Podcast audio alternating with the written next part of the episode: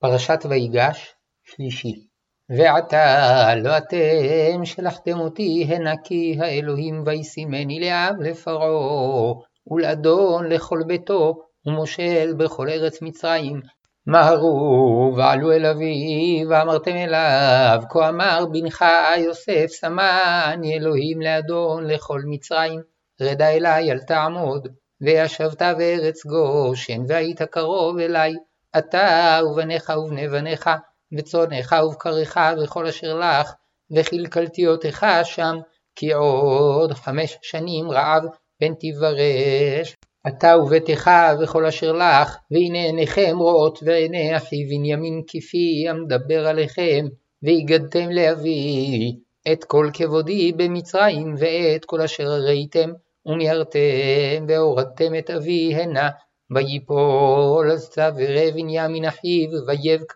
ובנימין בכה על צוואריו, וינשק לכל אחיו ויבק עליהם, ואחרי כן דיברו אחיו איתו, והכל נשמע בית פרעה לאמור, באו אחי יוסף, וייטב בעיני פרעה ובעיני עבדיו, ויאמר פרעה אל יוסף, אמור אל אחיך זאת עשו, תענו את בעיריכם ולכו בואו ארצה כנען,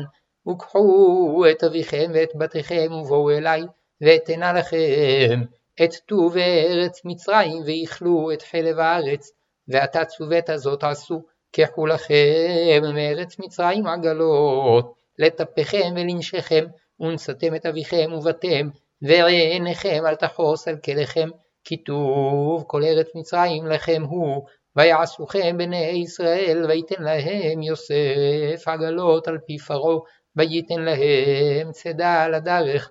לכולם נתן לאיש חליפות צמלות, ולבנימין נתן שלוש מאות כסף וחמש חליפות צמלות, ולאביו שלח כזאת עשרה חמורים נושאים מטוב מצרים, ועשר אתונות נושאות בר ולחם ומזון. לאביו לדרך, וישלח את אחיו וילכו, ויאמר עליהם אל תרגזו בדרך, ויעלו ממצרים ויבואו ארץ כנען אל יעקב אביהם, ויגידו לו לאמור, עוד יוסף חי וכי מושל בכל ארץ מצרים, ויהפוג ליבו כי לא האמין להם, וידברו אליו את כל דברי יוסף אשר דיבר עליהם, וירא את העגלות אשר שלח יוסף לשאת אותו, ותחי רוח יעקב אביהם.